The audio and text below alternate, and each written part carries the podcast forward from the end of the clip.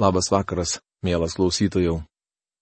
Šiandien toliau keliausime Senuoju testamentu Esteros knygos puslapiais.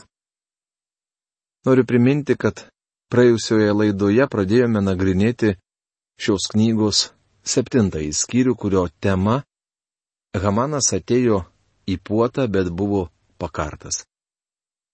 Priminimui perskaitysiu pirmasias penkias mūsų jau išnagrinėtas eilutes ir tęsime apžvalgą. Taigi, karalius ir Hamanas nuėjo potauti su karalienė Estera. Antrą dieną, per puotą geriant vyną, karalius klausė Esterą. Ko tu nori, karalienė Estera? Tai bus tau suteikta. Ko prašai? Nors pusė karalystės tai būtų, bus įvykdyta. Atsakydama karalienė Estera tarė.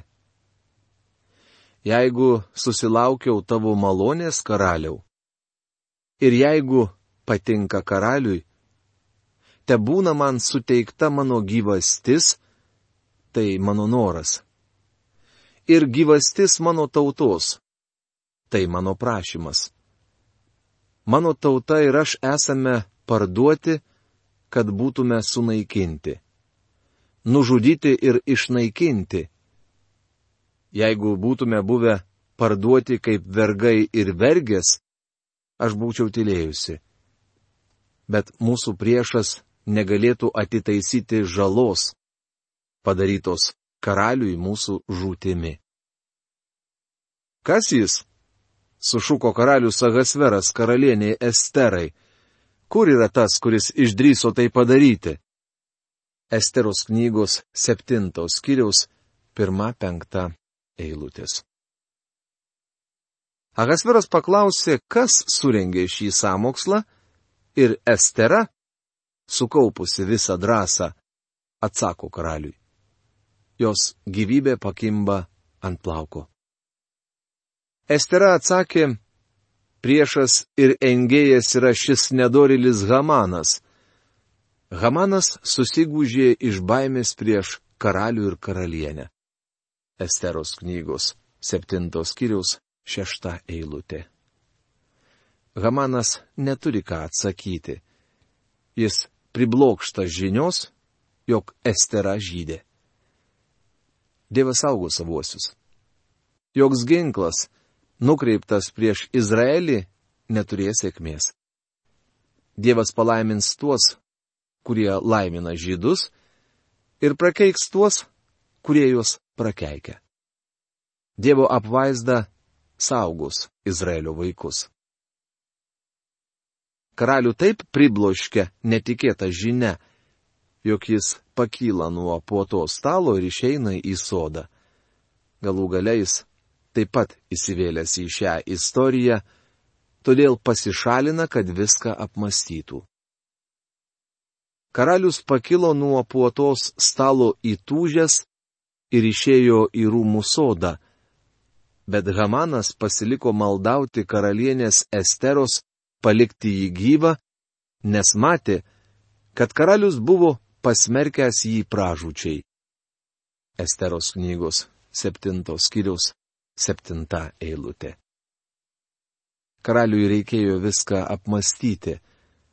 Jis paprasčiausiai negalėjo patikėti, kad Hamanas galėtų taip pasielgti. Tačiau karalienė maldavo ir prašė pasigailėti jos gyvybės būtent dėl Hamano kalties. Ahasveras patikėjo savo karalienę. Jam reikėjo šiek tiek laiko, kad aprimtų ir galėtų aiškiai mąstyti apie Esteros bėdą ir Hamaną, jo patikimą patarėją ir ministrą pirmininką. Kol karalius vaikštinėjo po sodą, Hamanas prašė karalienės Esteros pasigailėti jo gyvybės. Šis žmogus per akimirką tapo panašus į vergą jis šliaužiojo prie karalienės kojų ir suvokia, jog karalius visko taip nepaliks ir kad jam gerojų šį istoriją nesibaigs. Hamanas žino, jog karalienė vienintelė jo viltis. Jis pakvaišęs iš baimės, todėl puola ant kelių ir su baime meldžia pasigailėti jo gyvybės. Karaliui sugrįžus iš rūmų sodo į puotos menę, Hamanas buvo sukniubęs prie guolio, kuriame sėdėjo atsilošusi Estera. Nejau jis nori, sušuko karalius, net karalienę išniekinti mano rūmuose. Vos tiem žodžiams pasigirdus iš karaliaus lūpų, Hamanas prisidengė veidą. Esteros knygos, septintos kiriaus aštunta eilutė. Hamanas, maldaudamas dėl savo gyvybės, suprato, jog nieko nelaimės. Jis žinojo, jog bus nubaustas už padarytą blogį, todėl iš įniršio pradėjo kabarotis ant karalienės guolio. Turbūt pamenate, jog pietaujant buvo įprasta atsilošti guolyje. Kaip tik šiuo metu grįžo karalius ir, pažvelgęs į Hamaną ir karalienę, sušuko.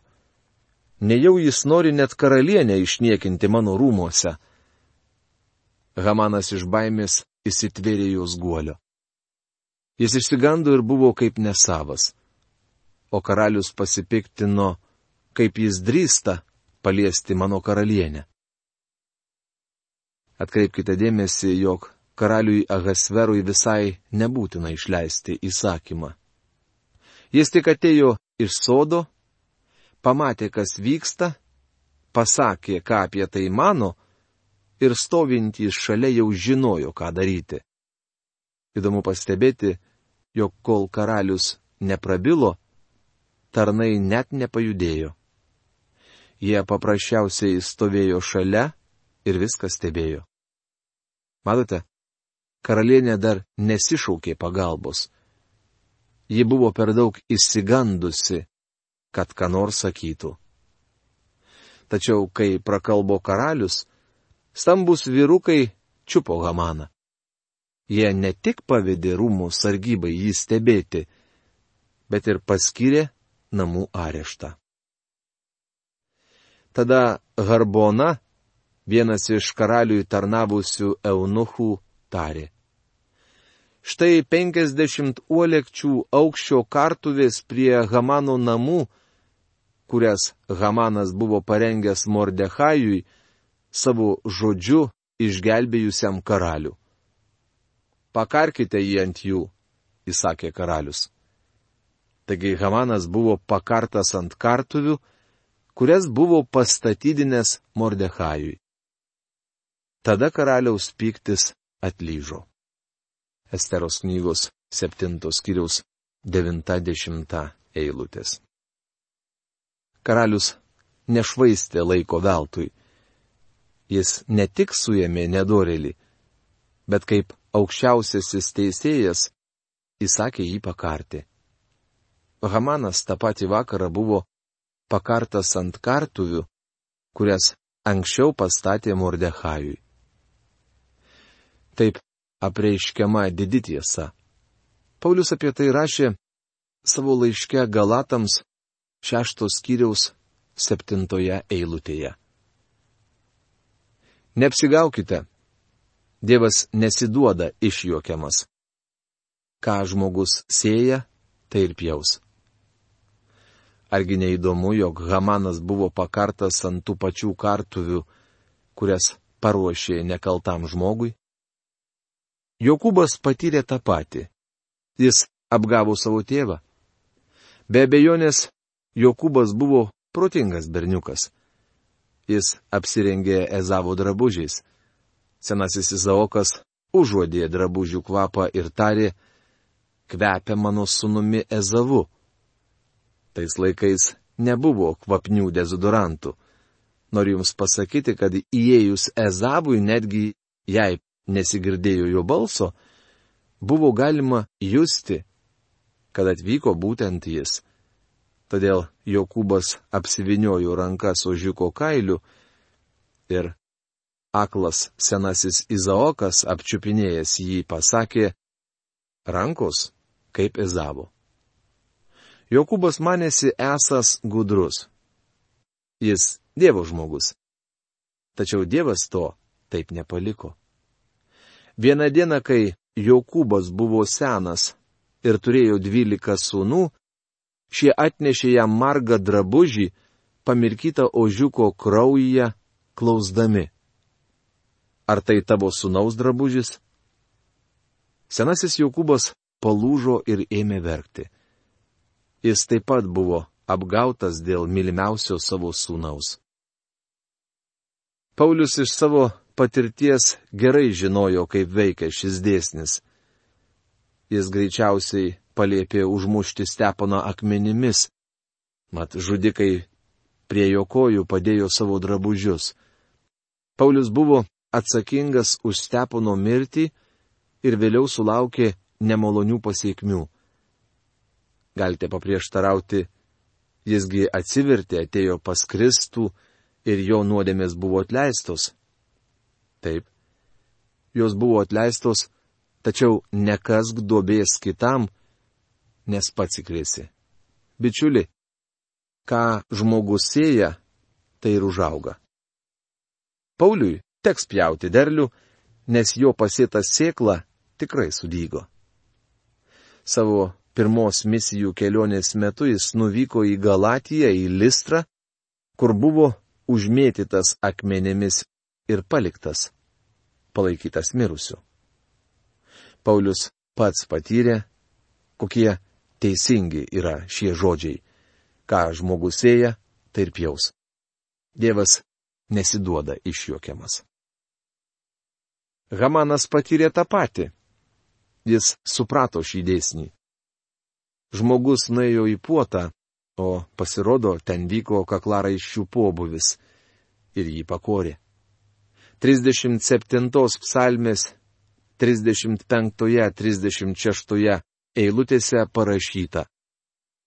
Mačiau nedorėlį valdingą, iškilusį virš visų lik kedrą Libano.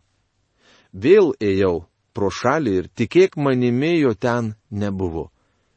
Ieškojau bet neradau. Paklausykite, ką sako psalmistas, tai įdomu. Vėl ėjau pro šalį ir, tikėk manimi, jo ten nebebuvo. Ieškojau, bet neberadau.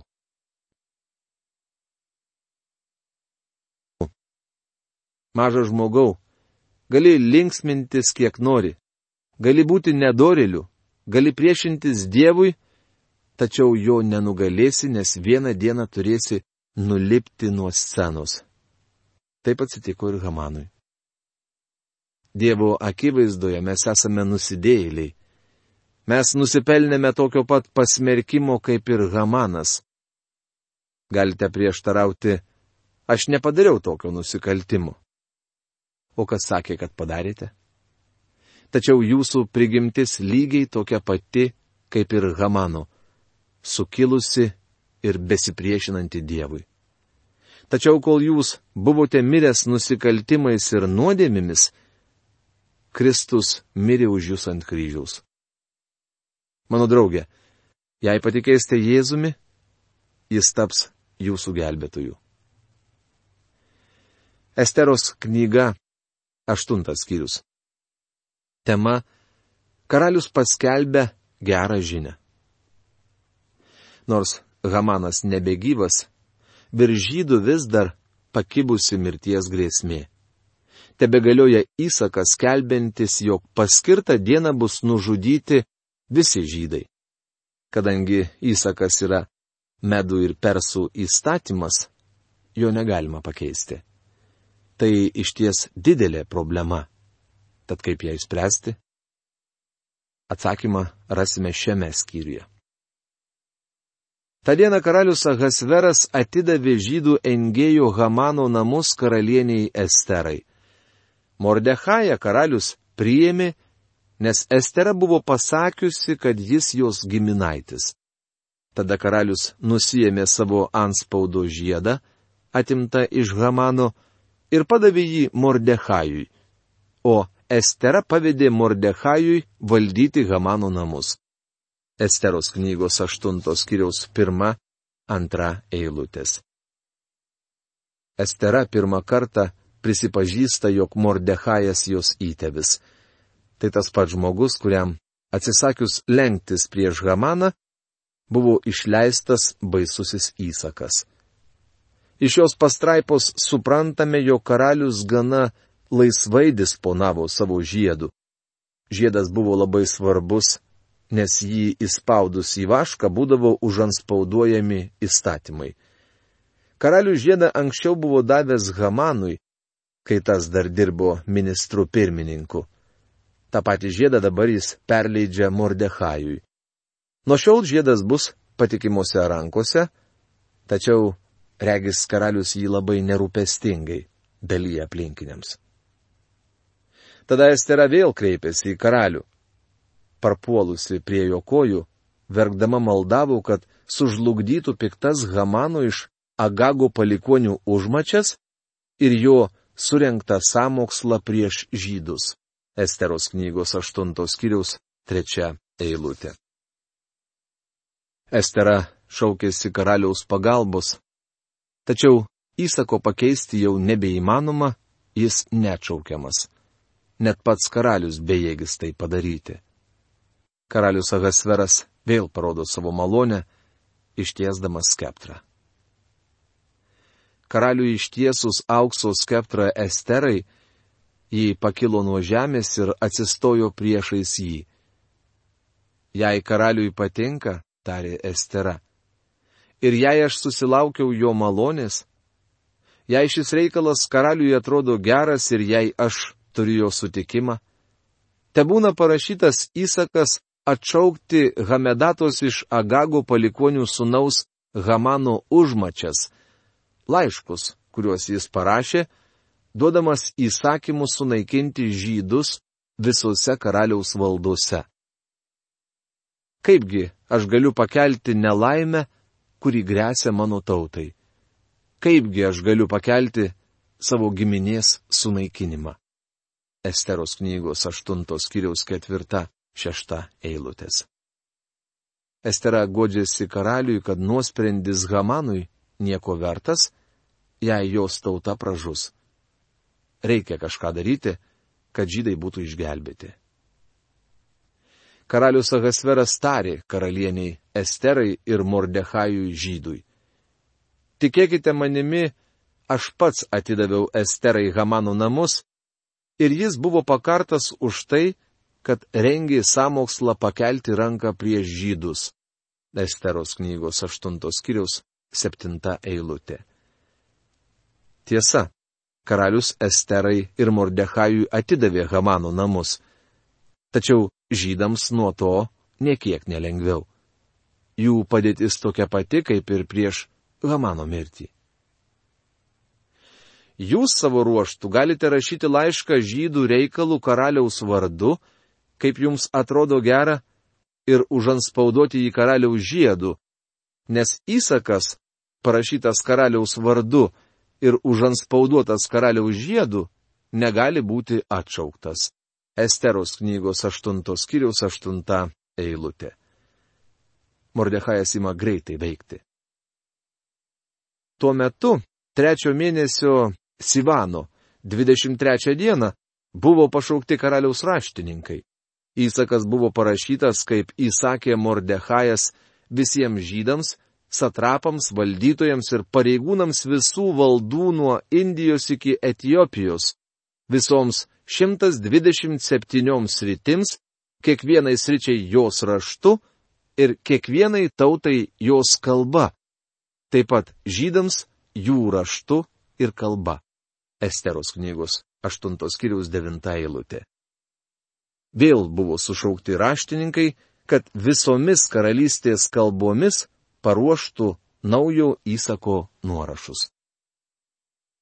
Laiškai parašyti karaliaus Ahasvero vardu ir užanspauduoti karaliaus žiedų buvo išsiusti per raitus pasiuntinius, jojančius ant karaliaus tarnyboje naudojamų karališkajame žirgyne išaugintų rystūnų. Tai Tais laiškais karalius leido žydams visur, kiekviename mieste burtis ir ginti savo gyvybę. Būtent laikais karalius leido žydams visur kiekviename mieste burtis ir ginti savo gyvybę. Būtent visose Ahasvero valdose naikinti, žudyti ir sunaikinti bet kokios tautos ar srities jiems priešiškas pajėgas kartu su moterimis bei vaikais ir plėšti jų nuosavybę. Vieną dieną visose Ahasvero valdose, 12 mėnesio tai yra Adaro, 13 dieną. Esteros knygos 8 skyriaus 10-12 eilutės. Pirmasis įsakas nei pakeičiamas, nei atšaukiamas, nes to padaryti jau nebeįmanoma, jis galioja. Tačiau dabar išleidžiamas kitas įsakas, kuris išplatinamas lygiai taip pat kaip ir pirmasis. Jį pasirašė karalius. Visa karaliaus jėga ir valdžia, kurią patvirtina jo armija ir pareigūnai, dabar jau žydų pusėje. Kai žydus pasiekia šis įsakas, jų širdis prisipildo džiaugsmo ir laimės.